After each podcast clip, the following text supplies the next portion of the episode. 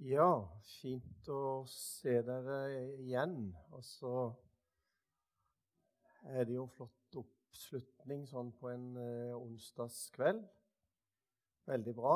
Så er det noen eh, nye her som ikke var her sist.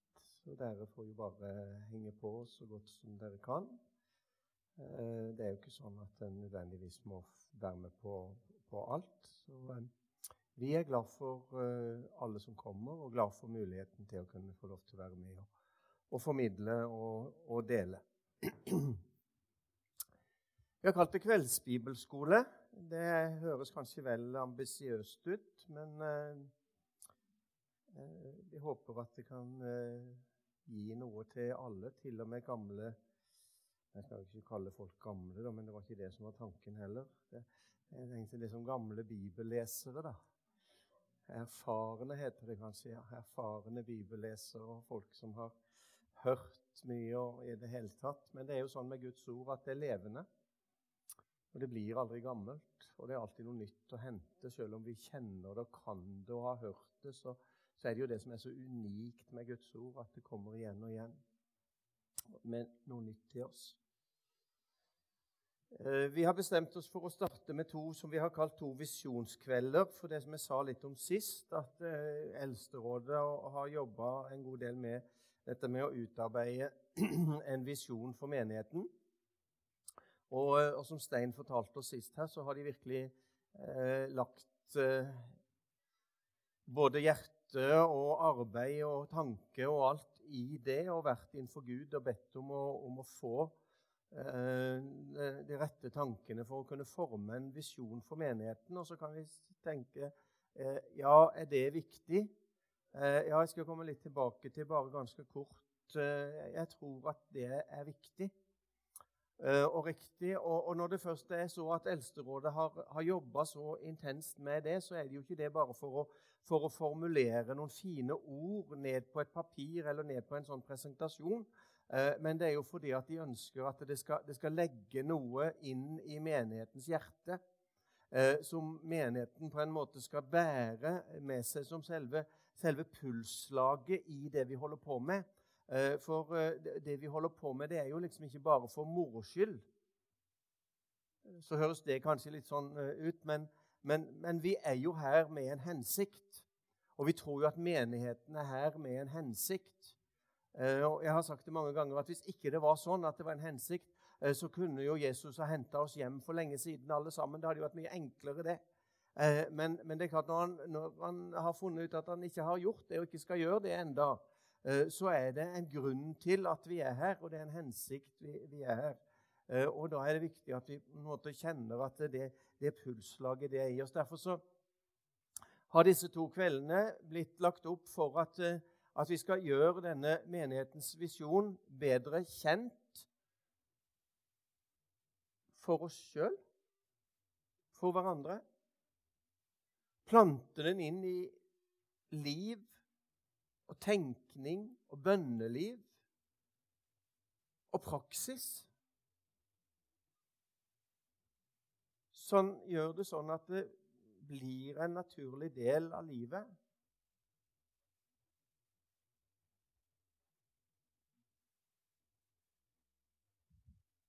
Nå har vi gjentatt den mange ganger.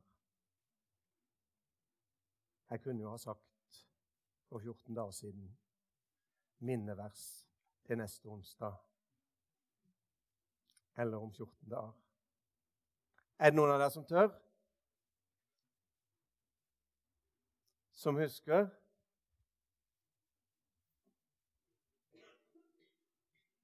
Hvis ikke dere husker, så er det jo i alle fall behov for denne kvelden nå, da. Jeg holdt på å si, jeg skulle nesten hatt lyst til å utfordre eh, det eldste rådet som var her, men jeg tør jo ikke helt det.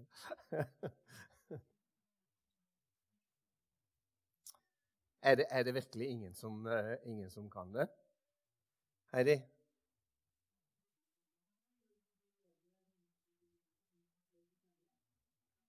Hørte dere det? Å lede mennesker til Guds betingelsesløse kjærlighet.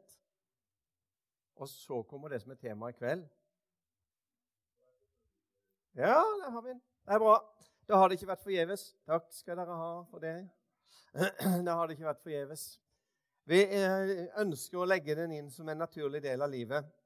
Og, og, så kommer det, Nå er vi snart på vår og sommer, ikke sant? og da blir det litt sånn pusterom. og Det er ikke alt som går etter uh, det vanlige. Men det kommer en høst, og høsten det er liksom en sånn intensiv, god arbeidsperiode for menigheten. Uh, der vi ønsker å, å, å liksom være på plass og, og, være i tjenesten og i det Gud har satt oss til. Så, så vi ønsker at denne visjonen skal ligges som et grunnlag for høstens virksomhet. Og så er disse samlingene en sånn liten test på om det er interesse. Og jeg syns jo at dere har gitt et godt svar på det. Jeg opplever at når vi allerede har bestemt eh, seks samlinger til høsten, så, så, er det ja for det med at dere er her i, igjen i, i kveld.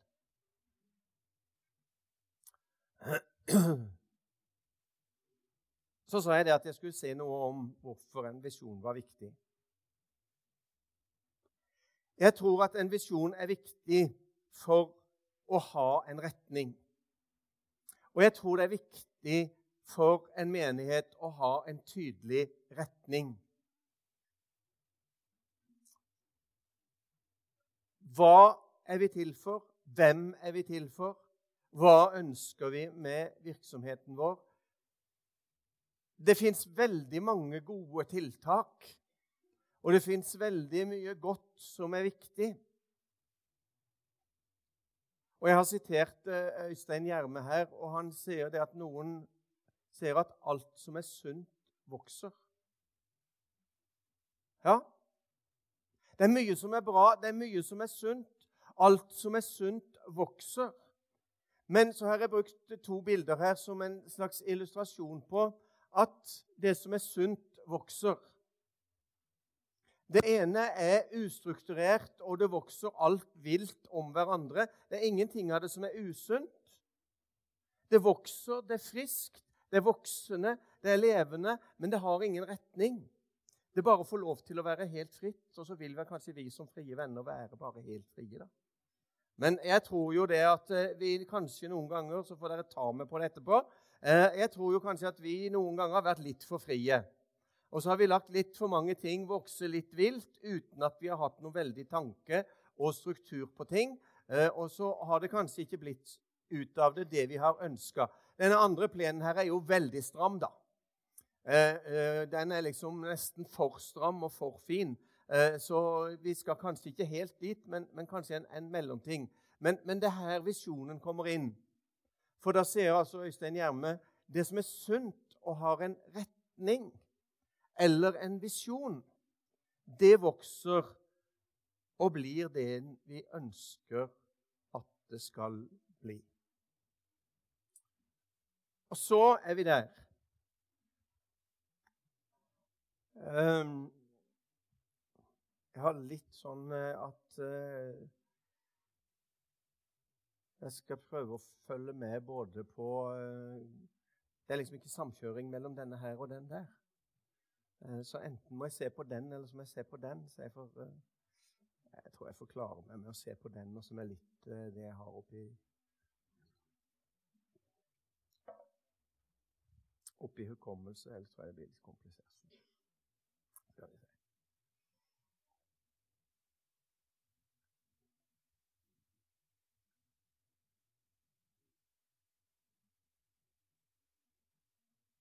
Sånn. Da tror jeg jeg har styr med meg sjøl. Så får jeg ta den en gang til, da.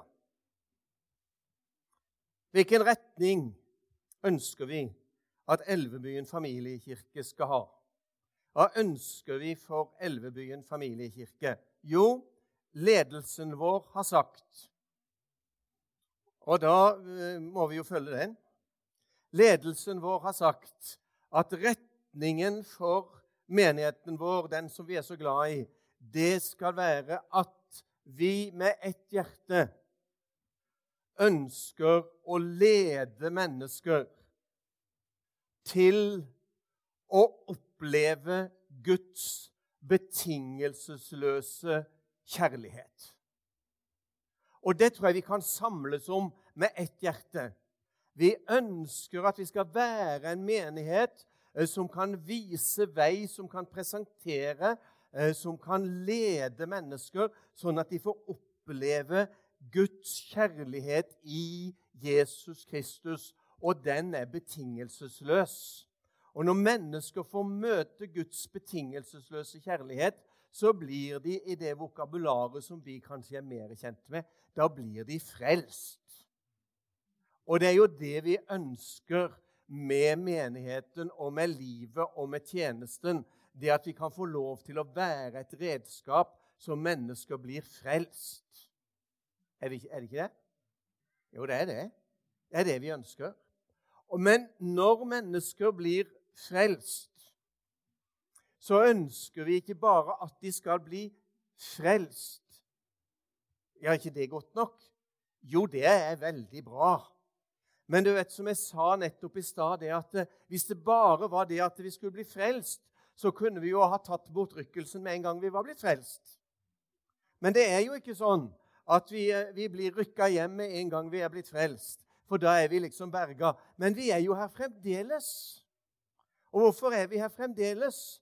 Jo, fordi vi skal bli etterfølgere av Han som frelste oss. Hvorfor skal vi bli det? For at enda flere skal bli frelst, selvfølgelig. Og Det er jo sånn det har gått videre. Det er jo sånn evangeliet har gått videre ifra begynnelsen av.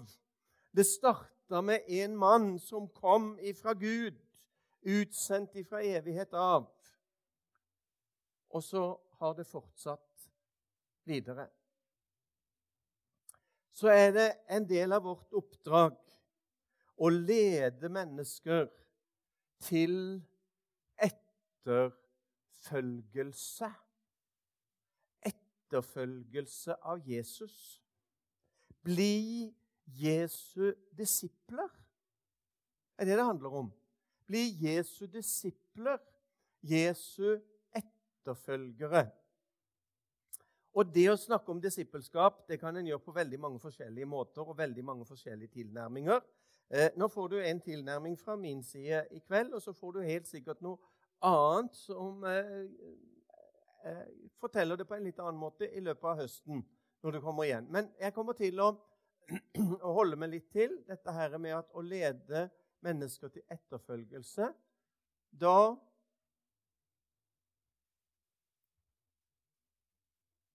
må vi se på han. Da må vi lære han. Må vi ikke det? Hvis vi skal etterfølge han, så må vi vite hvem han er. Så må vi vite hvor han er. Hvis vi skal gå etter han, så må vi vite hvor han går. Hvis vi skal kunne følge etter. Så Derfor så tenker jeg at ganske enkelt, kanskje, at etterfølgelse det må starte med at vi ser på det han gjorde, og det han lærte.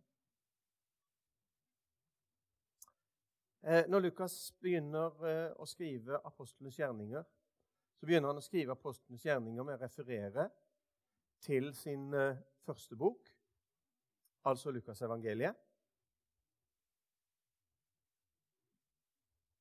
Vet dere at Lukas er den som har skrevet mesteparten av Det nye testamentet? For i volum er Lukasevangeliet og apostlenes gjerninger større enn alle brevene som Paulus skrev. Så den største forfatteren av Det nye testamentet er Lukas. Legen og akademikeren Lukas. Tenk på det, du. Som har gitt oss mesteparten av Det nye testamentet. Og så sier han til denne Theofilos hvem nå i all verden han var. Den første bok skrev jeg om alt det Jesus begynte med, både å gjøre og å lære. Han sammenfatter altså Jesus' liv på to måter. Han sier jeg skrev om det han gjorde, og det han lærte. Og jeg tenker at Skal vi bli hans etterfølgere, så er det viktig for oss å se på det han gjorde, og det han lærte. Altså hans gjerninger og hans undervisning. Og Så begynner han apostlenes gjerninger med å skrive det. Og så blir jo apostlenes gjerninger den første fortsettelsen. For i apostlenes gjerninger så møter vi de første etterfølgerne.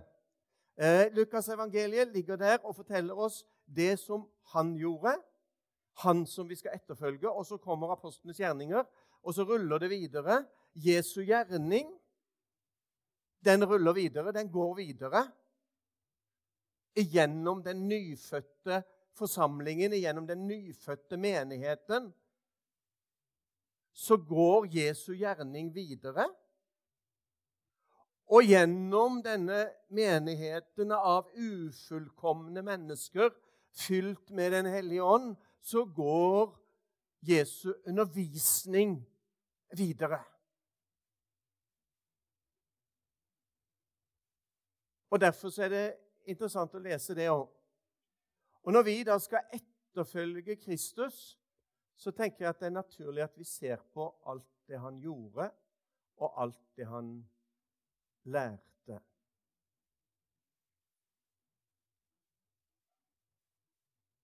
Fordi vi har et oppdrag. Jesus sier i sin ypperste prestelige bønn på samme måte henvendt til sin far, på samme måte som du har utsendt meg, har også jeg utsendt dem til verden. Så skal du altså få lov til å sitte her i kveld, og så skal du få lov til å gå herifra i kveld, og så skal du gå ut i en ny hverdag i morgen. Og så skal du være i den bevisstheten og i den takknemligheten av at du er Guds gave til verden. Jo, men det er det Jesus sier her. På samme måte som Gud, far, du, far, har sendt meg. Og så er det ingen av oss som betviler at Jesus er Guds gave til verden. Det er vi flinke til å snakke om når vi, når vi feirer jul, fall, for da finner vi alle mulige sånne innfallsvinkler rundt dette her med gaver. Ikke sant? Og så, og så, har vi et veldig fokus på dette her at Jesus er Guds gave til verden. Gud elska så han gav. Og så er det ingen av oss som på noen som helst slags måte har innvendinger imot det. Men så, men så stritter det kanskje litt mer imot når jeg altså konkret sier til hver eneste en av oss her i kveld du er Guds gave til verden. Det er derfor vi er her. Utsendt for å formidle Jesu gjerning, det han gjorde, og det han lærte. Og nå eh, det første nå så skal jeg gjenta, og da skal jeg prøve å ikke bruke så veldig lang tid.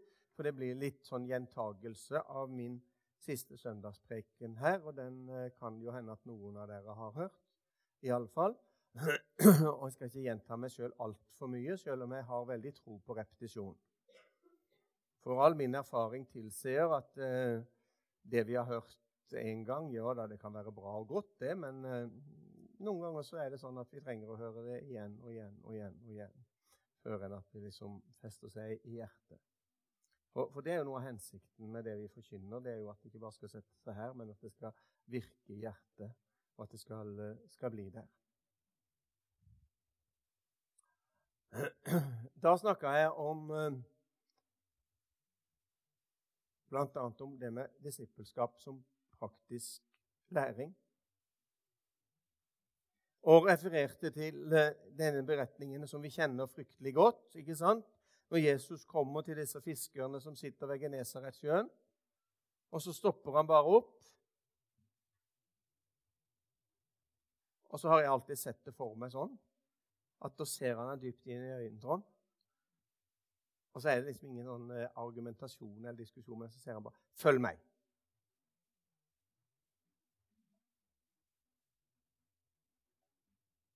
Hvordan hadde vi, hadde vi reagert hvis vi hadde møtt en mann på Bragernes Stov som kommer bort til oss og ser oss midt inn i øynene og sier 'Følg meg'? Det står om de at da sto de opp, de forlot garna sine, de forlot alt, og så fulgte de han. Men han legger jo til noe, da. Og så sier han, 'Følg meg, så skal jeg gjøre dere til'. Hva forteller han? Han sier at nå, dere, når dere nå begynner å følge med, så skal dere bli noe annet enn det dere er i dag. Jeg skal gjøre noe med dere sånn at dere blir annerledes enn dere har vært. Nå er dere fiskere på Genesaretsjøen, og dere fisker fisk. Men i vandringen sammen med meg så skal jeg gjøre noe med dere. Dere kommer til å bli forandra. Er vi villige til å bli forandra i vandringen med Jesus? Det å følge Jesus, det innebærer en forandring. Det er ikke lenger fokus på å få størst mulig fiskefangst på Genesaretsjøen, men dere skal omformes til å bli menneskefiskere. For det er hensikten med at vi er her. Det er en hensikt ved at vi er her. Vi skal være med og lede mennesker til Guds betingelsesløse kjærlighet. Og så er det en forvandlende kraft i det å vandre sammen med Jesus. Det er ikke sånn derre skippertak, ta det sammen, gjør så godt du kan. Jo, Vi ser jo ofte det. Ja, men vi gjør jo så godt vi kan. Ja, vi gjør jo så godt vi kan, men det er i grunnen ikke godt nok. I denne sammenhengen her så er det faktisk ikke godt nok å gjøre så godt en kan. Derfor kan en like godt eh, la være å prøve å prestere eh, og gjøre så godt en kan. Fordi at han har sagt 'Jeg skal gjøre dere til'. Altså etterfølgelsen, det å leve sammen med, det å følge etter, det å se på Jesus, det å se hva han gjorde, det å lære det han lærte, det å ta til seg hans undervisning, eh, det har omskapende og forvandlende kraft på oss. Fordi at vi kommer aldri til å bli dyktige menneskefiskere om vi drar oss aldri så mye etter håret.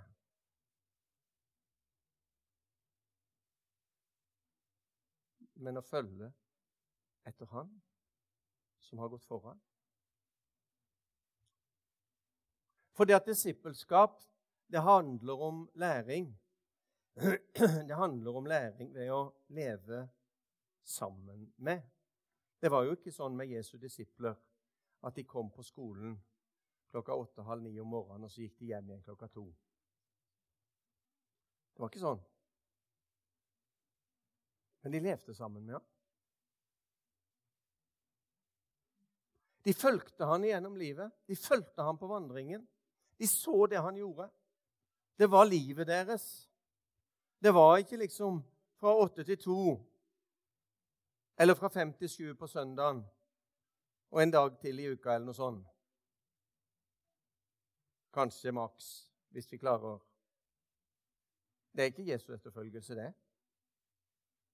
Det er bare en bitte, bitte, bitte liten del det som er viktig og som er nødvendig, som handler om de hellige samfunn, og som handler om å komme sammen, og som handler om å få inspirasjon og få bygges opp og få mat og alt det der.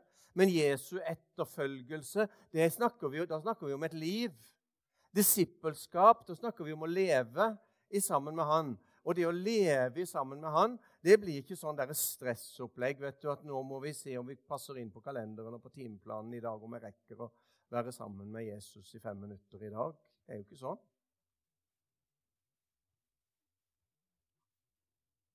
Men eh, det handler om å leve der. I Jesu etterfølgelse. For lever en i Jesu etterfølgelse, så vil en forme seg Han til å bli mer og mer lik Han. Det blir dere som har levd sammen i mange år, Terje og Bjørg, blir litt prega av hverandre. Enten en vil eller ei. Gjør det. På godt og vondt, kanskje. Men det er litt sånn at en preges og en formes av de menneskene som en lever tett sammen med. Så snakka jeg litt om dette her med, med denne praktiske læringsmetoden som, uh, som, ble brukt. dette her med, og, og, og Jesus sier det at Eh, det handler om eh, å bli som sin mester. Og Jesus ble jo kalt for mester, og, og disiplene for lærlinger eller, eh, eller disipler. Og da lærte de jo ved at de, ved at de fikk følge, og at de fikk se. Og, og, denne praktiske læringen fra far til sønn, som jeg bare har brukt et eksempel på her, at sønnen han, eh, som en liten gutt han får lov som å stå der og se på. Og er imponert over alt som pappa kan. Og etter hvert så får han jo selvfølgelig lyst til å prøve. 'Pappa, kan jeg få lov til å prøve? Kan jeg få en hammer? Kan jeg få lov å være med litt?' Så får han selvfølgelig lov til å prøve litt, være med litt. Og så veileder pappa åssen det skal være. Og så skjønner han litt mer, og så går, det, så går denne utviklingen inntil at han ikke bare får prøve, men han får overta. Og han er blitt som sin mester, klar til å gi det videre. Altså, Paulus er veldig tydelig på det når han snakker om dette. her. Så snakker han om at evangeliet skal gis videre til hvem? Jo, han sier du skal gi det videre til mennesker eh, som er i stand til, som er dyktige til å gi det videre. Til å dele med andre. Så, så, så, det er på den måten evangeliet har gått videre hele veien. At det har vært noen som stadig nye generasjoner som har tatt stafettpinnen og ført den videre. Og Det er derfor det er så utrolig viktig at enhver menighet Og jeg ser det så tydelig eh, i det som jeg står i, så ser jeg det så utrolig tydelig at de menighetene som klarer å sørge for at det er noen som kommer etter og er klar til å ta stafettpinnen, det er de menighetene som lever videre. Men det som ikke klarer å sørge for at det kommer noen etter, de går imot Unnskyld at jeg sier det, men det er sant. De går imot en stille død. Ja, men de gjør det. For det er helt avhengig av altså, eh, For at generasjonene skal gå videre, så, så, så, er, så er vi nødt for å sørge for å se, at det produseres nye barn. Og nå blir det jo sagt i noen samfunn at det, det fødes for få. Statsministeren sa vel det i sin nyttårstale også til det norske folk, at det, det fødes for få.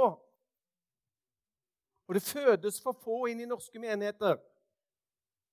Det fødes for få inn i Elvebyen familiekirke. Men det som fødes, det må vi sørge for at de fostres opp, og at de ikke bare fostres opp, og at de bare får se på. Men at de får lov til å prøve seg med verktøyet. At de får lov til å prøve seg å ta engasjement. Og så må vi tåle Jeg var en gang, Det er mange år siden jeg var på et kurs. Det var det ei som sa det at Å delegere, sa hun. Det å våge å se at noen gjør jobben bedre enn du gjør den sjøl.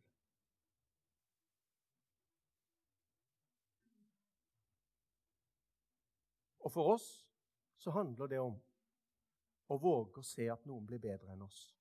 Vi som er gamle og erfarne og har holdt på i mange år.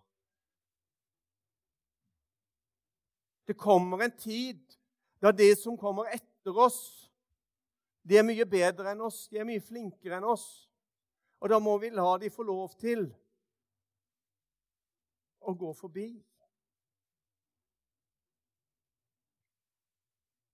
Det fins et fantastisk eksempel på det i, den, i apostlenes gjerninger, på forholdet mellom Paulus og Barnabas. Hvis du leser apostlenes gjerninger om Paulus og Barnabas, så når du begynner å lese historien om dem, så står det Barnabas og Paulus. For dette var Barnabas som tok seg av Paulus, ikke sant? For han var en erfaren kristen. Og så kommer Paulus til han, og så tar han seg av han. Og så blir det en sånn oppdragende eh, farsrolle som Barnabas har. Men når du leser på slutten, så står det ikke lenger Barnabas og Paulus, men da står det Paulus og Barnabas. Hvorfor det? Fordi at Paulus hadde gått forbi han. Så var ikke det det samme som at nå var Barnabas pensjonert og ferdig og ubrukelig. Det står ingenting om det. Men han vågte å se at den som han begynte å lære opp som en etterfølger, han, han, lærte, og så så han, og så fikk han prøve, og så fikk han praktisere. Og så ble han like god som Og så ble han til og med litt bedre forargelig òg, men det fins noen som, er, som, kommer etter oss, som er enda bedre, faktisk. Og for å takle det så trenger vi kanskje akkurat dette her. La dette sinn være i dere, som òg var i Kristus Jesus. Eh, det er Paulus' budskap til oss i Filippobrevets andre kapittel, eh, vers 5 til, vers 11. La dette sinn være i dere. Altså, det handler om hva vi er. Det handler om sinnelaget vårt. Burde kanskje ha lest det. Nå forutsetter jeg kanskje litt for mye, og da får dere si ifra hvis dere syns at jeg, jeg, forutsetter på en måte litt for mye at dere kan og vet alt. Jeg husker, jeg, jeg vokste opp i et hjem som vi alltid hadde predikanter på besøk. Og jeg hadde en mor som var veldig frimodig, som var ikke så redd for å irettesette predikantene når de kom hjem etter møtet. Det er ikke alle som, ikke alle som tør det, men hun tror det. og sier fra når hun syns at det er også, og Jeg husker at hun sa til noen predikanter dere må slutte, du må slutte med å se til forsamlingen som dere vet. For det er ingen selvfølge at de vet. Så du må heller fortelle dem det, og ikke ta det som en selvfølge at de vet. og, det, og det kan jo hende, det. Men i alle fall Filipperbrevet, det andre kapittel, og fra vers 5. La samme sinnelag være i dere som òg var i Kristus Jesus. Han var i Guds skikkelse og så det ikke som et rov å være Gud lik, men ga avkall på sitt eget, tok på seg tjenerskikkelse og ble menneskelik. Da han sto fram som et menneske, fornedret han seg selv og ble lydig til døden, ja, døden på korset. Derfor har også Gud opphøyd han til det høyeste og gitt han navn som er over alle navn. La dette sinn være i dere. Han var i Guds skikkelse. Han var Gud lik, men han ga avkall. Han var villig å stige ned. Han fornedra seg sjøl, den dypeste fornedrelse. Fornedra seg så han var lydig inntil døden, ja, døden på korset.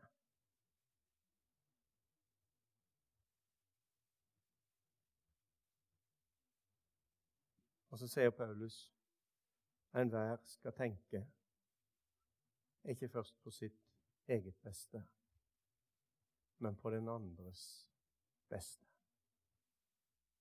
Det er Jesus sine lag. Jesus sine lag å tenke på den andres beste.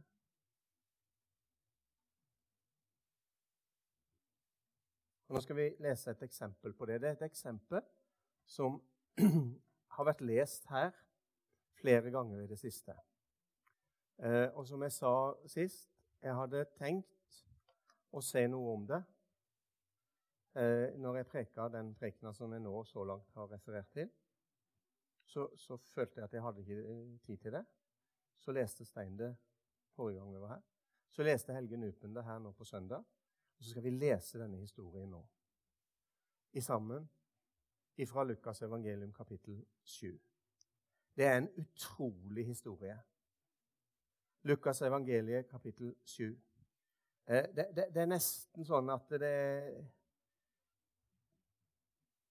Ja, jeg tror ikke vi helt eh, skjønner eh, sammenhengen, dramatikken, når vi, når, vi, når, vi, leser det. For det er en, det er en, veldig, er en veldig, sterk historie.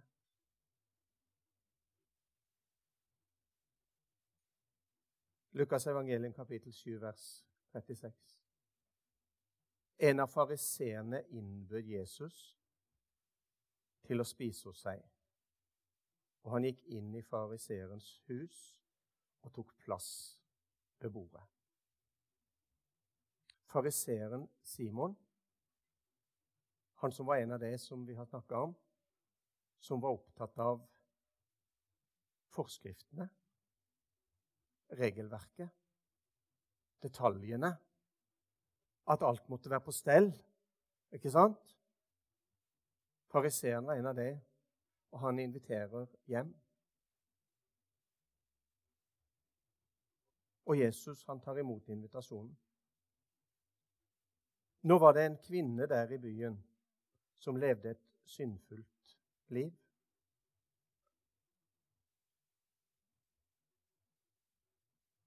Da hun fikk vite at Jesus lå til bords i fariseerens hus, kom hun dit med en alabasterkrukke med fin salve.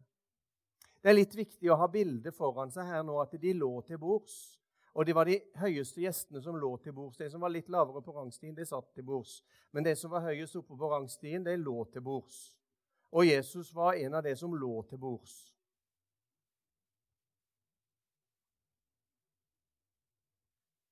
Og Da lå de på den armen inntil bordet, og så spiste de. Og så var det sånn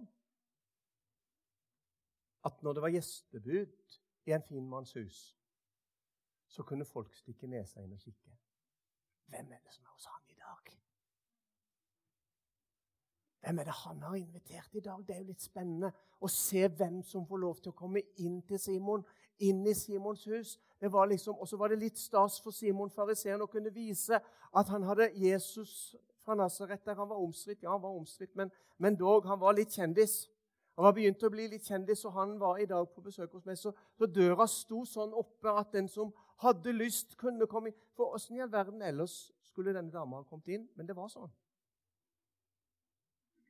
At det var, det var liksom litt viktig at en kunne både se og bli sett.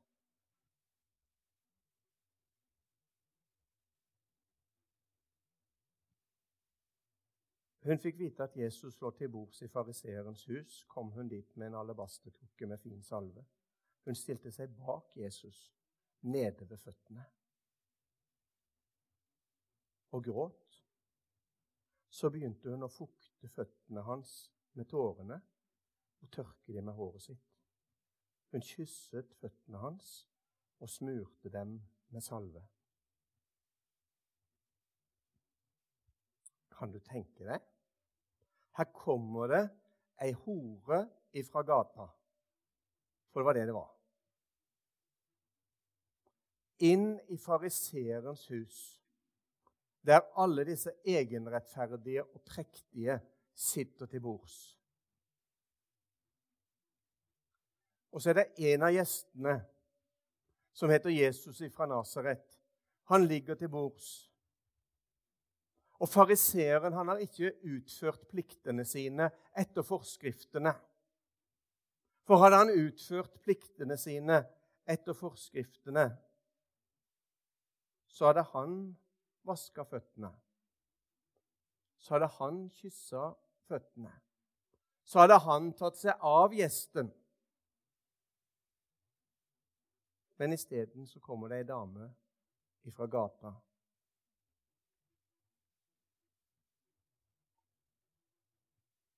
Ja.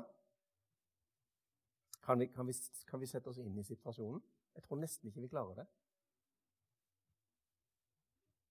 Tenk om det hadde skjedd noe sånt her hos oss.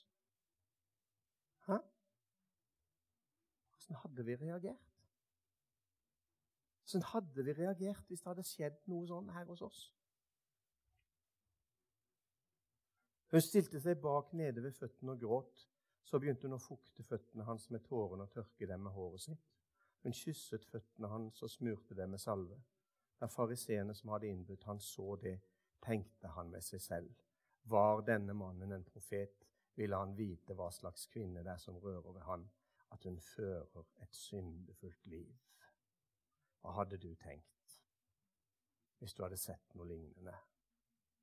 Det var Jesus. Og så kommer denne kvinna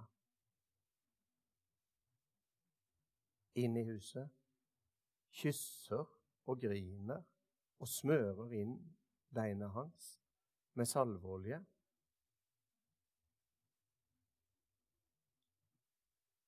Det kan hende eh, noen av oss hadde gått lenger enn Simon gjorde, og faktisk kasta henne ut på et tidligere tidspunkt. Det var jo nesten utrolig at han ikke gjorde det. At han ikke bare kasta henne ut på dør og sa at du har jo ingenting her å gjøre. Hvorfor i all verden skal du være her?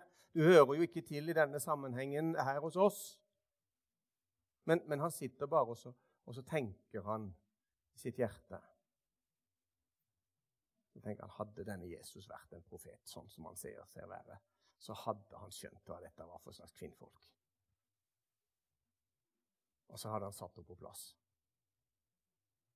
Simon, jeg har noe å si deg, sier mesteren. Si det, mester, svarte han. Jesus sa, to menn hadde gjeld til to pengeutlånere. Den ene skyldte han 500 denar og den andre 50. Men da de ikke hadde noe å betale med, etterga han dem begge gjelden. Hvem av dem vil da holde mest av han? Simon svarte, den han etterga mest, tenker jeg. Du har rett, sa Jesus. Så vendte han seg mot kvinnen og sa til Simon Ser du? Nå, han seg, nå snur han seg altså bak til beina sine, for der sitter denne kvinnen. Men han snakker til Simon. Han vender seg til kvinnen, og så ser han til Simon. Ser du denne kvinnen? Han hadde nok sett henne, kan du tro. Jeg kom inn i ditt hus, og du ga meg ikke vann til føttene mine, men hun fuktet dem med tårer og tørket dem med håret sitt. Du ga meg ikke noe velkomstkyss, men helt fra jeg kom, har hun ikke holdt opp med å kysse føttene mine. Du salvet ikke hodet mitt med olje, men hun smørte føttene mine med den fineste salve. Derfor sier jeg deg, hennes mange synder er tilgitt. Derfor har hun vist stor kjærlighet. For den som får lite tilgitt, elsker lite. Så sa han til kvinnen, syndene dine er tilgitt. Da begynte de andre gjestene å spørre seg selv, hvem er han som til og med tilgir synder? Men Jesus sa til kvinnen, din tro har frelst deg. Gå bort i fred. Her møter vi to mennesker med et ulikt fokus på den tredje, på en nedslått, utslått kvinne. Simon hadde sitt fokus på rettroenhet. Er hun bra nok? Er hun god nok? Passer hun inn her? Nei, hun gjør ikke det. Jesus har et annet fokus. Han ser til hjertet. Hvem var Jesus sammen med, og på hvilken måte omgikk han mennesker? Hvordan ville vi ha reagert i en lignende situasjon?